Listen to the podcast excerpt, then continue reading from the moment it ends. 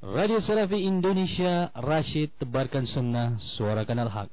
Assalamualaikum warahmatullahi wabarakatuh. Sahabat Rashid yang semoga dirahmati Allah subhanahu wa ta'ala. Alhamdulillah Kita memuji Allah subhanahu wa ta'ala pada kesempatan siang hari ini Di rangkaian acara Daurah eh, Kajian Islam Ilmiah Asyariah yang ke-16 Di JIC Jakarta Islamic Center di Jakarta Utara Yang Alhamdulillah kita sedang berada di rangkaian daripada acara tersebut yang mana sesi demi sesi ataupun sesi yang pertama ya untuk materi telah kita dengarkan bersama yang dibawakan oleh Syekh Arafat bin Hasan Al-Muhammadi hafizahullah taala. Dan sahabat Rasid yang semoga dirahmati Allah Subhanahu wa taala, sebelum sesi pertama tadi juga uh, telah dibuka dengan uh, pembukaan-pembukaan yang disampaikan oleh uh, para asatidzah atau para ustadz yang menjadi bagian daripada kepanitiaan uh, maupun uh, tamu undangan yang juga hadir di kesempatan pagi hari ini. Baik. Sahabat Rasul semua dirahmati Allah Subhanahu wa taala sebagaimana yang telah kita publikasikan bersama di channel Telegram Radio Rashid di mana di kesempatan siang hari ini insyaallah Radio Rashid kembali live dan eksklusif.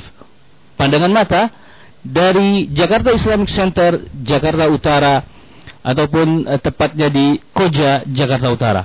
Sahabat kasih semoga dirahmati Allah Subhanahu wa taala pada kesempatan eh, siang hari ini. Kita telah menghadirkan seorang narasumber. Ya kita bisa katakan demikian karena beliau juga termasuk yang ambil andil dalam uh, acara kajian Islam ilmiah Ahlus Sunnah wal Jamaah Syariah yang ke-16 ini berlangsung yang mana beliau menjadi pembawa acara ya. Mungkin sahabat Rasid yang hadir di Masjid uh, Jakarta Islamic Center di Koja ini telah melihat langsung ya telah melihat langsung uh, bagaimana beliau membawakan ataupun menyampaikan susunan acara dan uh, mempersilahkan para tamu undangan ataupun uh, syekh untuk memberikan kata sambutannya. Dan sahabat Rasid semoga dirahmati Allah Subhanahu wa taala, insyaallah beberapa waktu ke depan nanti kita akan bincang-bincang dengan beliau.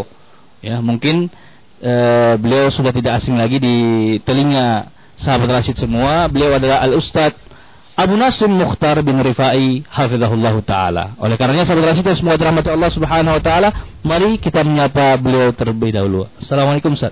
Waalaikumsalam Abu Nabil. Masya Allah. E, gimana kabarnya Ustaz? Alhamdulillah sehat semuanya Abu Nabil. Mudah-mudahan Abu Nabil dan seluruh sahabat Rashid, Rashid yang turut atensi pada siang hari ini selalu dalam perlindungan dan bimbingan Allah Subhanahu wa taala. Masya Allah.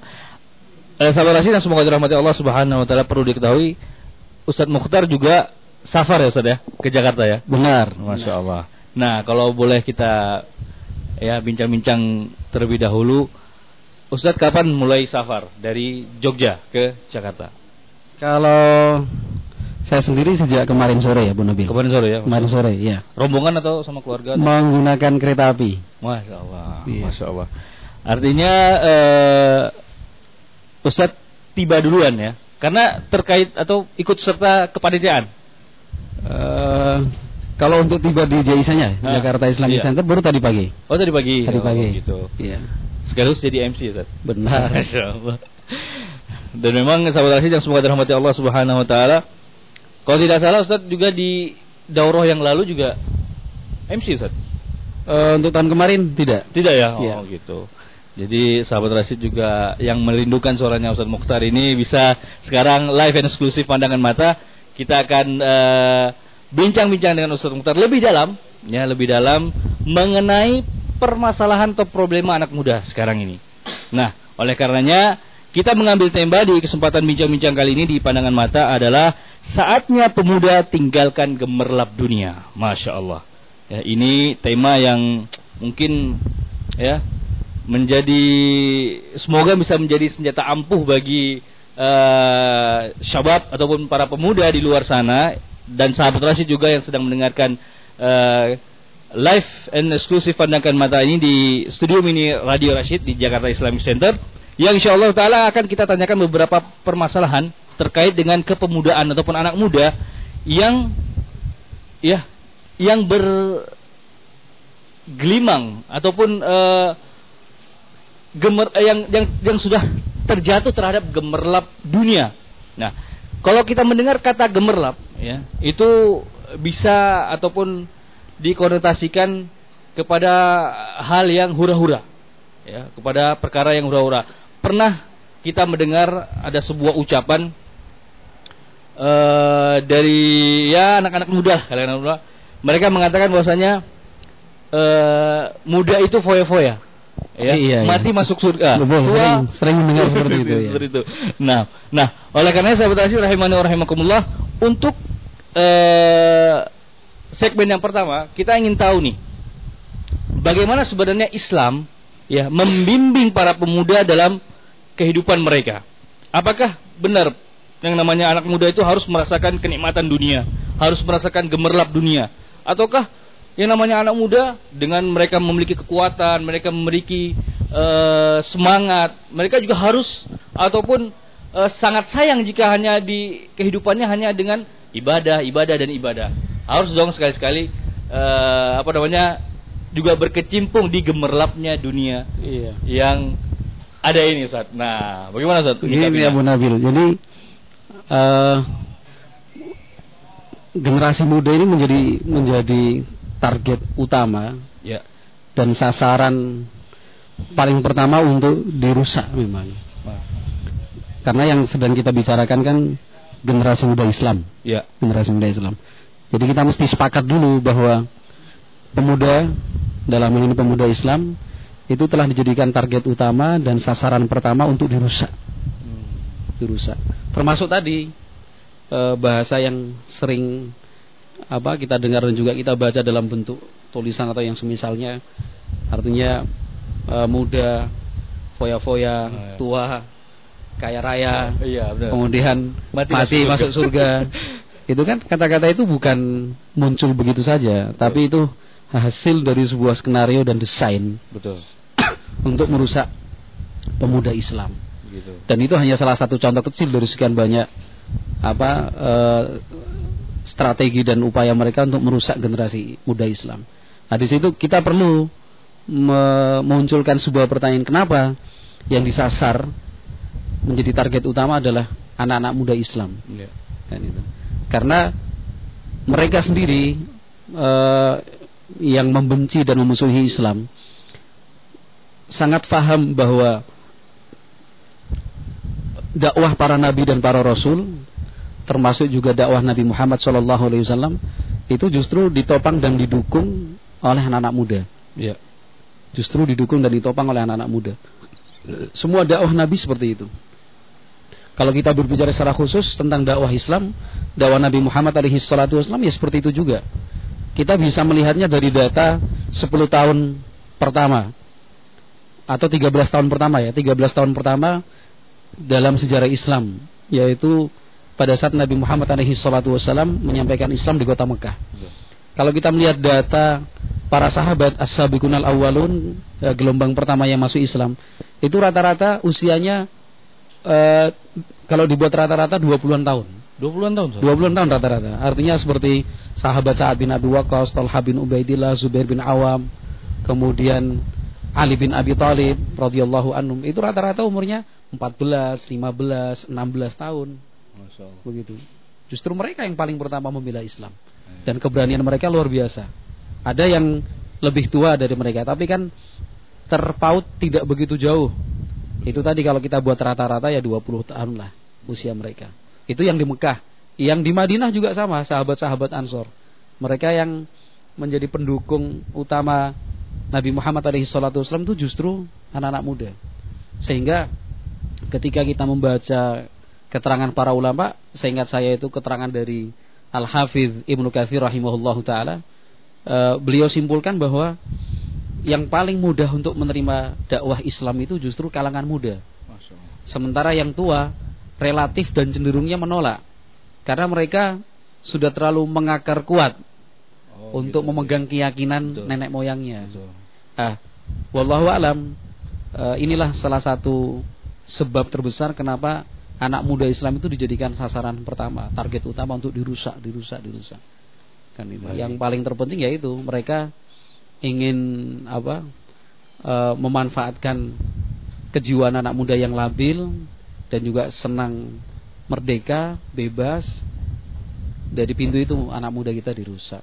Wallahul musta'an. Tadi Ustaz menyebutkan kebanyakan daripada para sahabat itu eh, di usia kepemudaan mereka mereka masuk Islam. Ini bukan berarti Ustaz ketika itu memang apa nggak ada yang yang ingin mereka raih ataupun syahwat yang mendorong mereka kepada hal-hal yang negatif itu mungkin ada yang bilang itu kan zaman dulu zaman habis sekarang zaman modern lebih canggih daripada zaman dulu gimana Ustaz? Ya sebenarnya nggak ada beda dulu dan sekarang. gitu Sama Hmm. kan itu. Artinya eh, dorongan-dorongan syahwat itu dulu dan sekarang juga sama.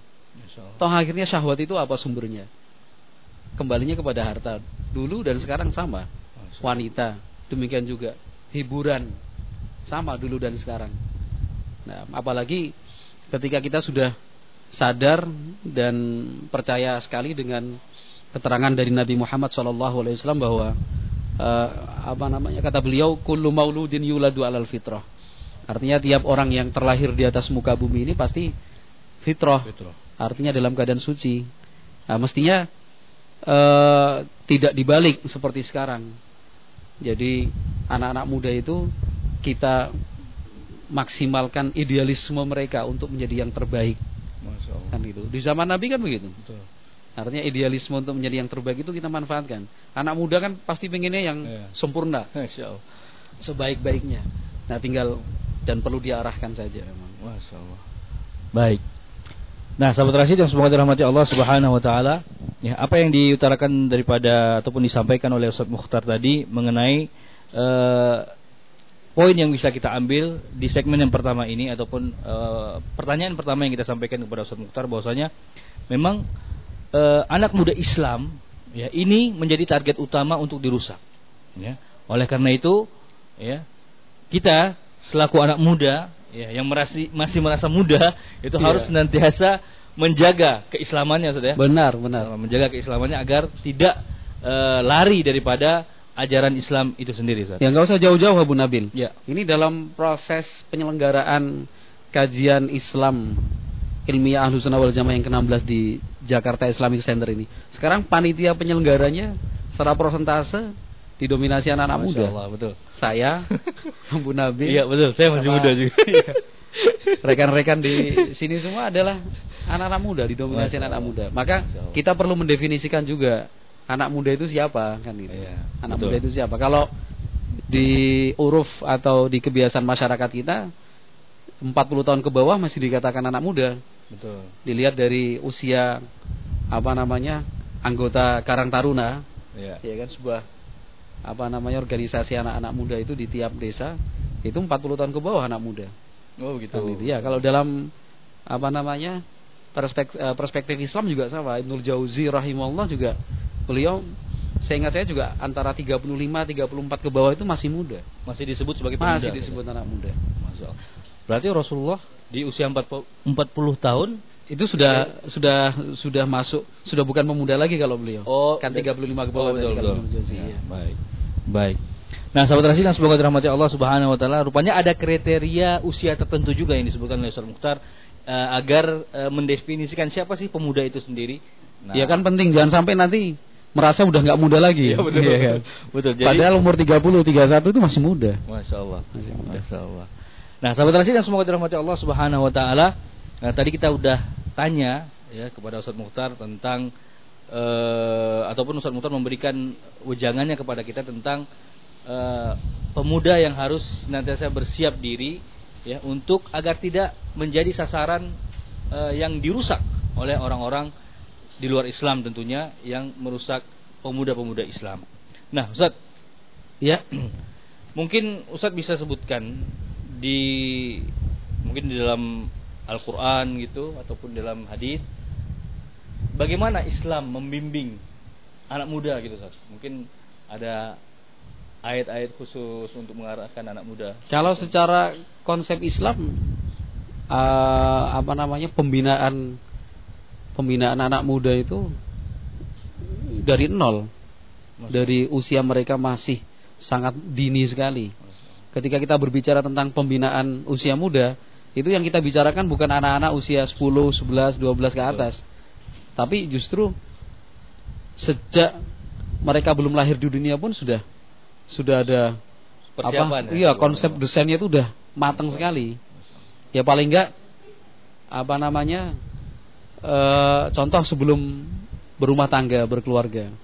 Kalau dalam agama kita kan memang diarahkan dan dibimbing untuk mencari sosok seorang wanita yang punya kemampuan untuk menjadi ibu, menjadi pendidik yang baik. Betul. Kenapa? Karena kita harus berpikir jangka panjang, masa depannya jauh sekali. Betul. Jadi untuk untuk apa mewujudkan generasi muda yang sukses itu nggak bisa instan, nggak bisa dalam hitungan 5, 6, 7, 10 tahun nggak. Sejak mereka belum ada di dunia pun sudah kita pikirkan. Artinya Ustaz, Islam betul-betul sangat matang untuk apa namanya me- membimbing ataupun membina eh, anak-anak kaum muslimin. Bahkan persiapannya pun dilakukan sejak mencari jodoh gitu. Iya betul. Jadi ketika mereka sudah masuk usia muda, siap, benar-benar siap menjadi anak muda yang tangguh, beriman, beramal saleh, beribadah, berjuang di jalan Allah, ya tangguh dalam hal dalam segala hal lah. Tapi kalau kita berbicara anak muda usia anak muda 14 tahun ke atas ya udah terlambat. Oh gitu. Sebelum 14 tahun dia sudah terpapar Betul. oleh pemikiran-pemikiran tadi yang gemerlap dunia. Betul. Terlambat. Hmm. Walaupun tidak ada kata terlambat tapi memang cenderung lebih berat untuk dikembalikan ke jalurnya yang fitrah. Baik. Amin. Maka siapa pun di antara kita yang punya harapan eh, generasi muda Islam yang tangguh itu benar-benar muncul, ayo kita berbicara sejak masih dini ketika mereka masih di dalam kandungan, ketika mereka masih anak-anak menginjak usia remaja, itu harus bertahap. Jadi pengkondisiannya sudah sejak dini, Masya Allah. sejak dini. Eh, jadi Ustaz, ketika kita berbicara, tadi Ustaz katakan kalau udah di at- 14 tahun ke atas, jika sejak dininya tidak dibimbing atau dibina dengan eh, dengan eh, hal-hal yang positif, tentunya dari syariat Islam. Nah, bagaimana nih bagi orang-orang tua yang sudah terlanjur eh, anaknya ataupun orang tua ini sadar, oh anak saya udah 14 tahun, 15 tahun, gimana cara saya untuk mengembalikan dia, mengembalikan fitrahnya? Iya. Itu, Ustaz. Itu tidak ada yang susah bagi mereka yang Allah mudahkan. Baik. kan itu maka langkah pertama ya berpulang kepada Allah Subhanahu wa taala artinya eh, sebagai orang tua dalam contoh kasus tadi harus banyak-banyak meminta dan memohon kepada Allah Subhanahu wa taala agar keterlambatannya mengenal agama lebih baik ini apa namanya eh, bisa bisa apa eh, menjadi sebab setelah dia sadar bisa menjadi sebab anak-anaknya baik juga. Jadi yang pertama dia memohon kemudahan kepada Allah Subhanahu wa taala. Yang kedua, dia harus bisa memberikan contoh yang baik kepada anaknya. Mampu dia buktikan bahwa dia sebagai orang tua setelah sadar, dia setelah semangat belajar agama, ingin kembali ke fitrah yang sesungguhnya, dia buktikan kepada anak-anaknya bahwa dia menjadi orang tua itu lebih baik. Kalau dulunya sering marah-marah, bentak-bentak, ya sekarang udah nggak lagi lah, jauh lebih lembut, lebih halus. Kalau dulu misalkan apa namanya kurang perhatian kepada anak, dalam satu minggu mungkin hanya sekali ketemu, setelah dia menginginkan anaknya baik supaya kembali ke jalur yang fitrah, dia berikan perhatian dalam hal ini eh, apa namanya durasi waktu lebih panjang, kan itu. Artinya dimulai dari orang tuanya Iya, itu yang paling berpengaruh. memberikan contoh yang baik, Benar. positif. Iya. Masya benar. Allah. Nah, Ustaz. Ya, tadi kita sudah bicara tentang eh, keumuman keumuman bimbingan Islam, ya. Kita bisa mengambil eh, poin di sini bahwasanya Islam itu mengatur atau membimbing manusia sejak ma- malah sejak mencari jodoh terlebih dahulu Benar. untuk mendidik anak-anak Iya. sampai ke, menjadi anak seorang pemuda. Iya. Baik. Sekarang Ustaz, mungkin anak-anak zaman sekarang ini kurang begitu kenal dengan tokoh-tokoh pemuda dalam Islam. Benar. Uh, mungkin mereka lebih kenal dengan yang namanya Lionel Messi, Iya. lebih kenal yang namanya Cristiano Ronaldo Iya. dan yang lain-lainnya ya. Mungkin sedikit ataupun beberapa tokoh Islam dan kiprahnya dalam Islam seorang pemuda tersebut mungkin Ustaz bisa kisahkan. Uh, iya Bu Nabil ini termasuk dari ini dari apa namanya grand design artinya rencana besar musuh-musuh Islam itu menjauhkan generasi muda Islam dari apa uh, dari tokoh-tokoh muda Islam itu sendiri. Itu sudah masuk grand design rencana besar. Jadi mereka dikenalkan dan didekatkan dengan tokoh-tokoh muda yang apa di luar Islam. Sementara tokoh-tokoh muda yang memang ada di dalam Islam dijauhkan sejauh-jauhnya. Itu udah grand design. Hmm. grand design. Nah, artinya apa? termasuk programnya mereka iya termasuk programnya mereka. Termasuk programnya mereka.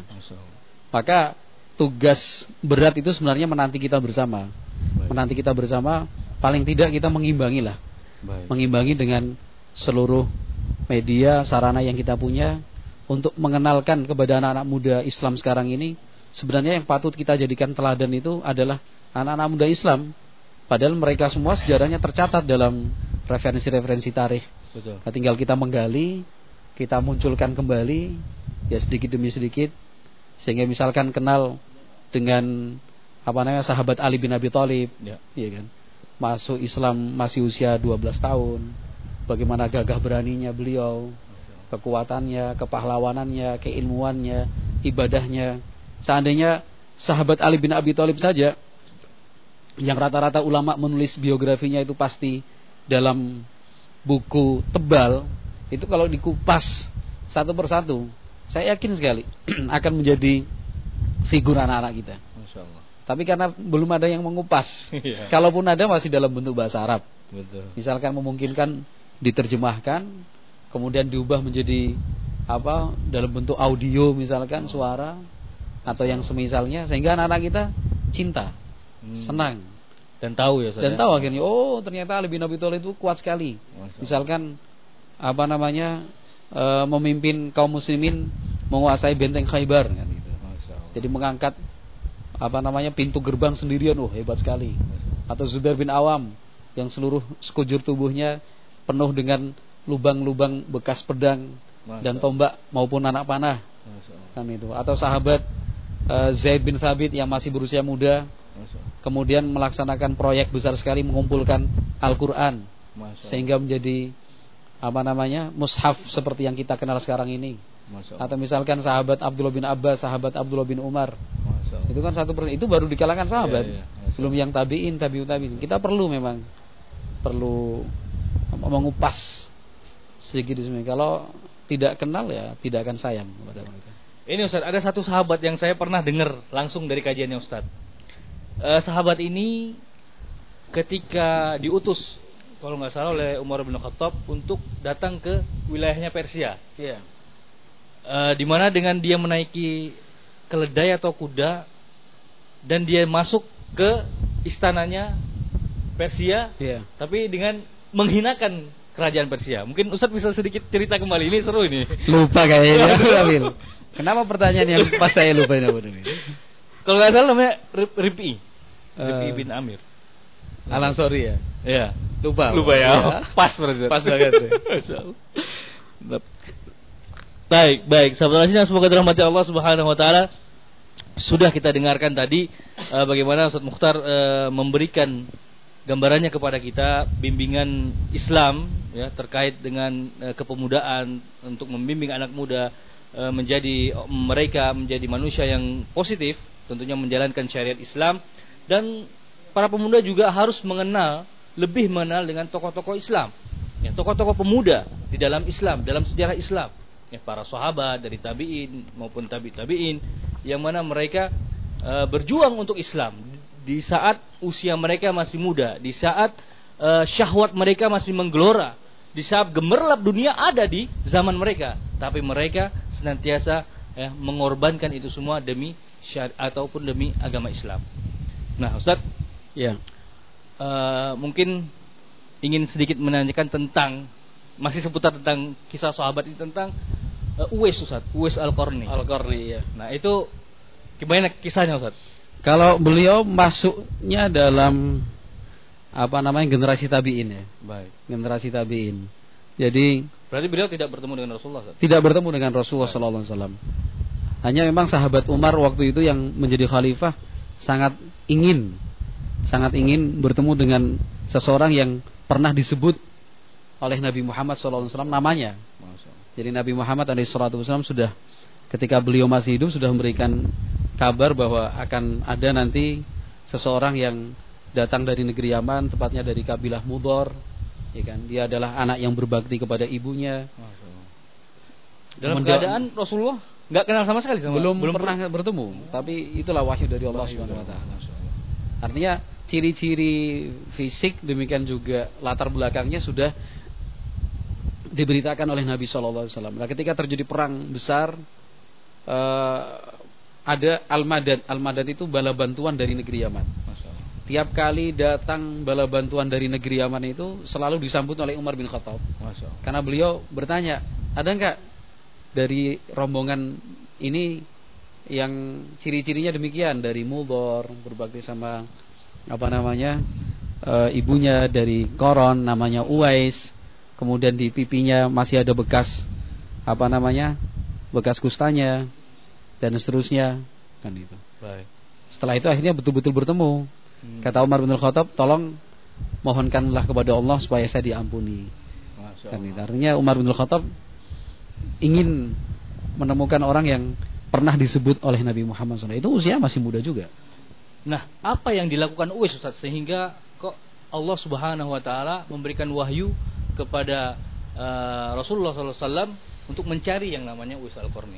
Sebab terbesar yang kita baca dalam riwayat itu karena baktinya sama orang tua. Masya Allah. Terutama kepada ibu. Baktinya Ini seorang pemuda ya? Uwais seorang pemuda. Pemuda dari negeri Yaman. Masya Allah. Masya Allah. Artinya hmm, karena baktinya dia kepada kedua orang tua sehingga Eh, termasuk salah satu jasa terbesar dalam keadaan dia anak muda, dalam keadaan yeah. dia uh, apa namanya bisa baratnya mengelampiaskan syahwatnya ke hal-hal yang mungkin dia senangi tapi dia tetap senantiasa setia kepada kedua orang tua untuk iya. berbakti kepada kan orang sangat tua. berbeda dengan zaman sekarang jumlah okay. anak yang benar-benar berbakti kepada orang tua sedikit sekali bahkan dari kecil aja sudah orang tuanya dibentak panggilan orang tuanya tidak disambut ya kan Betul. Panggilan orang tidak disambut, lebih banyak yang mengecewakan orang tuanya daripada yang membahagiakan orang tua. Satu, yang kedua, mereka yang membahagiakan orang tua jumlahnya sedikit, itu pun kebahagiaannya kebahagiaan duniawi juga akhirnya. Betul. Hanya dengan memberi materi, memberikan rumah, uang bulan, uang setiap bulan diberi. Betul. Kan itu jatah listrik, pulsa dan segala macam. Yang sebenarnya banyak orang tua e, tidak menilai itu sebagai sebuah kasih sayang. Tidak kasih sayang. Yang mereka inginkan kan anak yang apa namanya bisa merawat, melayani, selalu ada di dekatnya, kan itu meskipun tidak serumah, Betul. tapi setiap kali diperlukan selalu ada hadir, mementingkan orang tua bukan pekerjaan, Mas. misalkan. Perhatian ya saudara. Oh perhatiannya luar biasa. Terutama ketika orang tua sudah sakit-sakitan, sakit-sakitan. Kan itu kan banyak cerita orang tua meninggal, setelah meninggal baru anaknya datang. Betul. Kan. Baik. Nah, Sahabat Rasid yang semoga dirahmati Allah Subhanahu wa taala udah dengar kan apa yang Ustaz Mukhtar bilang tadi terkait dengan bagaimana kisahnya Uwais Al-Qarni. Ya dia seorang pemuda yang senantiasa berbakti kepada orang tua. Ya, bahkan karena baktinya dia kepada orang tua sampai-sampai Allah Subhanahu wa taala mengkhabarkan ciri-ciri beliau kepada Rasulullah sallallahu alaihi wasallam yang mana doa daripada Uwais Al-Qarni ini diijabah ataupun dikabulkan oleh Allah Subhanahu wa taala. Sehingga Umar bin Khattab ya semangat untuk mencari sosok daripada Uwais Al-Qarni ini. Masya Allah. Itu di antara sebabnya adalah karena baktinya kepada kedua orang tuanya. Nah, baik Ustaz. Sekarang kita lanjut. Baik. Nah, ini seperti kuis Ustaz. Iya. Saya pertanyaan gak habis-habis ya. Baik Ustaz. Ustaz. Ya. Uh, kita ketahui mungkin seperti Ustaz bilang tadi bahwasanya dunia sekarang itu dikatakan modern dan dunia zaman dulu juga uh, tidak bisa kita bedakan. Tetap ada hal yang menyenangkan masing-masing di setiap zaman, kan? Yeah. Nah, di kehidupan pemuda yang sekarang ini, kita katakanlah di zaman yang modern ini, bagaimana kiat-kiat mereka agar mereka terbebas dari hal-hal yang melalaikan, Ustaz? Yang senantiasa serius untuk uh, mempelajari agamanya, mengenal uh, Rasulnya, mengenal para sahabat, mengenal para tabiin, dan dia mengamalkan sunnah Rasulullah Sallallahu Alaihi Wasallam. Karena Ustaz, kita ketahui banyak penghalang-penghalang seperti ya anak muda sekarang doyannya Iya. musik Iya. ya terus katanya sih kalau nggak ada TV di rumah tuh nggak bisa nggak bisa hidup Iya. terus juga apa pergaulan Iya. Ya, pasti ada teman nongkrong lah segala macamnya dan yang paling utama juga gadget masalah gadget Iya, iya. bagaimana cara mengontrol ini semua Ustaz? Eh, jangankan anak muda yang sudah tua aja tetap bisa terbentuk oleh lingkungan. Ya kan? Jangankan yang muda yang masih labil, ya kan? Yang sudah tua yang kita katakan matang sekalipun itu eh, watak dan karakternya bisa dibentuk oleh lingkungan. lingkungan Lingkungan. Kalau kita berbicara tentang anak muda, maka yang tidak boleh kita lewatkan adalah eh, konsep lingkungan dia tinggal dan juga konsep keluarga sebagai tempat di, eh, tempat dia berasal Hmm. kan itu. Sebenarnya hal-hal yang disebutkan Abu Nabil tadi kayak musik, televisi, gadget atau yang semisalnya itu bisa diminimalkan Hmm. ketika seorang anak muda dia hidup dan berasal dari sebuah keluarga yang apa namanya yang harmonis, keluarga yang satu dengan lain itu saling memberikan perhatian, ada waktu, kontak sosialnya juga tinggi, komunikasinya juga bagus. Betul. Kan itu. Jadi kalau boleh kita sederhanakan sebenarnya tadi gemerlap dunia itu sebenarnya cuma cuma apa namanya eh, pelampiasan dari anak-anak muda sisi kejiwaan mereka. Karena sisi kejiwaannya tidak terpenuhi di keluarga akhirnya dia cari pelampiasan. Pelampiasannya ya sudah. Ya ya. Hal-hal tadi. Betul. Coba kalau kita bayangkan sebuah rumah tangga terdiri dari ayah ibu dan dua anak. Kemudian misalkan ayah ibunya aktif di rumah memberikan perhatian kasih sayang ya kan. Kalaupun si ayah berangkat bekerja ya dari pagi. Sebelum berangkat bekerja dia sempatkan berkomunikasi ngobrol dengan anak-anaknya bercerita yang bermanfaat. Kemudian dia berangkat kerja sore pulang di rumah ada lagi waktu buat anak-anaknya. Si ibu juga seperti itu ketika dua anaknya berangkat sekolah si ibu betul-betul dia merawat rumah semuanya terjaga. Ketika anak pulang dari belajar rumah sudah bersih makanan udah disiapin ditanya kabarnya diajak bercerita. Malam juga seperti itu. Ya saya pikir anak betah di rumah. Ini bukan suatu yang mustahil Ustaz ya? oh bukan. Yang dulu-dulu kan sudah. Betul betul. Sebelum ada alat-alat ini alat-alat teknologi ini kan begitu Betul. kehidupan keluarga. Masya Allah kan itu Masya Allah Adapun alat-alat tadi lingkungan itu kalau kita sederhanakan itu cuma pelampiasan aja. hmm. Mereka nggak merasa dapat perhatian yang cukup di rumah, dia cari di luar. Dia cari di luar.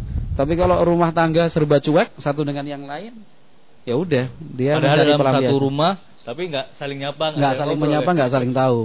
Subhanallah Jadi justru yang perlu dikuatkan itu adalah kehidupan rumah tangga. komunikasi Iya, dari sebab itu salah satu tema yang diangkat dalam kajian ilmiah nasional ini kan itu yang akan disampaikan Syekh Abdullah bin Sulfik Al-Dhafiri. Masya Penguatan di keluarga itu.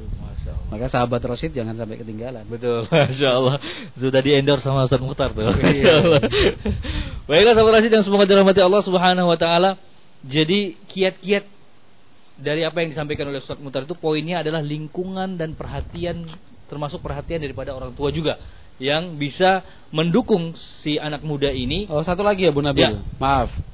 Jadi yang namanya perhatian dari keluarga atau orang tua. Jadi ukuran kebutuhannya bukan orang tua yang mengukur, tapi anak. Hmm, Karena banyak orang tua beralasan saya udah ngasih perhatian, Oh gitu, Saya betul udah ngasih waktu buat Betul. mereka. Nah, kita perlu sadar bahwa kebutuhan anak terhadap perhatian orang tua itu kan beda-beda kapasitasnya. Betul Ada anak yang sekali disapa sehari udah merasa cukup. Tapi ada anak yang ingin lebih dari itu. Maka kita yang mengukur kebutuhan anak kita diperhatikan seberapa sih? Kan itu. Hmm, Ada anak yang memang dia perlu perhatian lebih. Kita nggak bisa beralasan saya udah ngasih waktu buat anak ini nggak bisa. hmm. Kan. Artinya harus di eh, apa? Keadaannya harus difahami juga. Iya, keadaannya iya, bagaimana ya, Ustaz, ya? iya betul. Masya Allah. Nah, sahabat Rasid yang semoga dirahmati Allah Subhanahu Wa Taala, eh, sebagaimana yang disampaikan Ustaz Mukhtar tadi, sebenarnya bukan perkara yang mustahil untuk kita bisa terhindar dari eh, dari lalainya kita terhadap eh, pedulinya kita terhadap agama kita, ya, Eh, dengan bersungguh-sungguh dalam eh, mengenal agama kita tentunya dan juga eh, peran daripada orang tua dan lingkungan sekitar itu juga sangat mendukung bagi seorang anak muda ini bisa merubah dirinya menjadi yang lebih baik tentunya. Iya. Nah, ada yang disamakan? Eh, cukup sepertinya. Baik. Nah ini saat yang terakhir insya Allah. Baik, baik. Sekarang tadi kan kita ngobrol tentang anak muda yang mungkin eh, apa kita bilangnya ekstrim kiri ya, Ustaz, ya? Iya, iya. agak eh, terlalu cuek terhadap agamanya, terlalu, kurang serius belajar agama. Nah ini mungkin kita bicara dengan mereka yang mungkin kita kan ekstrim kanan ya kalau nggak Iya. salah. Betul, Betul, ekstrim ekstrim betul. kiri ya? Ah. Ini mereka mereka serius belajar. Maksudnya mereka serius ingin membela agamanya, Ustaz. Ya, Tapi kebablasan akhirnya. Nah, kebablasan sampai-sampai eh, sering fenomena terjadi anak muda yang ikut aksi terorisme, Benar. bom Dan- bunuh diri. Itu juga salah satu materi yang diangkat dalam Betul. kajian kita ya kan. Betul. Yang tadi baru saya sampaikan, Ustaz, ya? Baru disampaikan oleh pemateri. Baik. Jadi artinya kenapa? Mereka kelompok kelompok radikal dan kelompok terorisme ini uh, mengerti bahwa anak-anak muda itu adalah anak-anak uh, generasi yang punya idealisme tinggi, ya kan? Uh, mereka itu masih belum tercetak, Hmm. sehingga siapa yang bisa mendekati mereka, mereka cetak, ya seperti itulah hasilnya. Anak-anak muda ini kejiwaannya masih labil, direkrut, ya kemudian diprovokasi, dicuci otaknya, akhirnya menjadi pelaku-pelaku teror dan pelaku-pelaku radikal itu. Ya kita jangan sampai kecolongan, Betul. berusahanya seperti itu. Artinya target-target mereka ini yang mereka memang bukan yang cuek terhadap Bukan, agama malah bukan. Ustaz, ya? Justru yang punya semangat dan kepedulian terhadap agama, Hmm. tapi kemudian dibelokkan arahnya, disesatkan jalannya. Masya Allah. Nah, Hmm. Ustaz, bagi orang tua, Ustaz, agar mereka waspada juga. Yang tadi waspada terhadap anak yang lalai daripada agama, ini waspada dari anak yang mungkin eh, ekstrim dalam menyikapi tentang Islam itu sendiri, Ustaz. Ya solusinya sama dengan yang Sama ekstrim ya? gini tadi. Artinya orang tua harus punya perhatian penuh. Artinya ketika anaknya terlihat serius belajar agama, orang tua juga harus bersikap objektif, duduk diskusi, dia tanya kepada anaknya kamu ikut pengajian apa, Hmm. kan itu. Satu-satunya siapa, Eh, legal apa enggak, Betul. formal apa enggak, resmi apa enggak, Hmm, kan itu. Tempat pengajian kamu di mana, teman-teman pengajian kamu siapa. Nah, Baik. ketika semua itu sudah terjawab, artinya ada transparansi, ada keterusterangan dari si anak, ya orang tua dukung aja. Oh, dari apa namanya pengajiannya ini Quran, Sunnah, kembali ke manhaj salaf misalkan. Eh, teorinya begini, konsepnya demikian. Tempat pengajiannya di mana? Di sana nih, jelas Ya. lokasinya, ustadznya jelas. Sekali-kali ajak dong ustadzmu ke rumah. Kan itu. Masya Allah. Karena kelompok-kelompok radikal dan teroris itu pasti mereka tertutup, Baik. tertutup. Baik. Apalagi nanti orang tua bisa mendeteksi dini ketika anaknya ikut pengajian kok sikapnya cenderung pendiam, tertutup, jarang bergaul. Lah ini harus curiga dong orang tua. Baik, baik. Baik, kan itu. Nah, Ustaz, tadi kan Ini pertanyaan keberapa? ini meneruskan aja, Ustaz. Oh, kata aja. Jadi kalau ibarat ujian tuh esai Ustaz ada satu, dua, Oh, iya, iya. nah Ustaz, eh, tadi kan tentang sikap orang tua yang ingin eh, menjaga anaknya. Nah, sekarang ketika seorang anak, seorang pemuda yang betul-betul telah mengenal manhaj ahlu sunnah wal jamaah. Mm-mm. Nah, seperti mereka mulai membiarkan jenggot mereka, Iya. eh, me- apa tidak isbal ataupun tidak celananya itu di atas mata kaki dan bagi yang wanitanya juga mereka bercadar bernikop. Nah, terkadang orang tua khawatir dengan amalan yang seperti ini, Ustaz. Iya. Nah, bagaimana cara anak muda tadi untuk meyakinkan orang tuanya? Karena Yang ini- ya ya betul betul betul. Itu sering terjadi juga. Yang pertama hindari perdebatan. Hmm, Hindari perdebatan itu jangan mendebat orang tua. baik, Itu satu hal yang paling terlarang. Baik. Tidak boleh kita lakukan. Jangan sampai mendebat orang tua. Artinya ketika kita sedang berbicara diskusi dengan orang tua ingin menjelaskan lalu kok sudah mulai menjurus kepada perdebatan, lebih baik diam. Iya. Dengarkan saja. Itu yang pertama. Yang kedua, jangan menceramai orang tua, baik tulisan maupun lisan. Hmm, Menceramai itu ketika kita berbicara panjang lebar di depan orang tua, seakan-akan kita udah tahu segala sesuatunya. Itu orang tua paling tidak suka. Atau misalkan kita share tulisan artikel panjang banget, orang tua merasa nggak nyaman. hmm, Tapi sampaikan dengan apa kata-kata yang simple, kata-kata sederhana, kan itu. Misalkan kamu tuh ngaji apa sih? Kan gitu. Ya jawab aja, ya ngaji supaya jadi anak soleh lah pak. Oh. Udah gitu aja. Nggak usah diterangkan kanan kiri muka belakang Allah. luas sampai ke mana-mana kan itu. Kamu ngaji apa kok sudah seperti ini? Ya biar apa namanya bisa bertutur kata dengan sopan santun pada orang tua. Kamu kok ngaji seperti itu ya biar rajin. Kan kalau kita di pengajian diajari buat, buat rajin. Nah, kemudian yang faktor paling menentukan akhirnya ya prakteknya. Ya. Jangan sampai bilang sama orang tua biar rajin ternyata pemalas dia. Setelah bilang kamu ngaji apa tuh jenggoten, celana cingkrang, segala macam. Ketika kita jawab ya belajar rajin lah bu. Saya setelah pengajian itu terus terdorong termotivasi buat rajin. Nah setelah itu pagi dia bersih bersih rumah, sore dia juga siram tanaman. Artinya menjelang, ada, ada menjelang, perubahan ya Iya, dari... menjelang malam dia cucikan motor atau mobil orang tuanya. Iya kan? Kemudian akhir pekan dia bersih-bersih gudang, bersih-bersih dapur. Walaupun berat harus diamalkan iya. karena untuk membuktikan ya, Membuktikan oh ya benar nih anak saya ikut pengajian menjadi rajin nih. Baik, Masya Allah. Iya. Nah, sahabat Rasid yang semoga dirahmati Allah Subhanahu wa taala.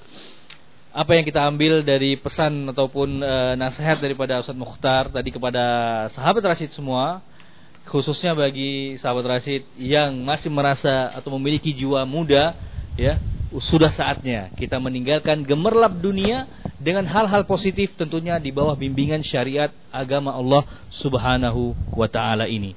Dan tentunya juga pihak lain yang harus mendukung daripada keberhasilan sang anak untuk menjadi anak yang ataupun pemuda yang soleh ya mungkin di lingkungan dan orang tua juga harus e, apa punya peran penting terhadap apa yang dilakukan atau diperbuat oleh sang anak di kesehariannya.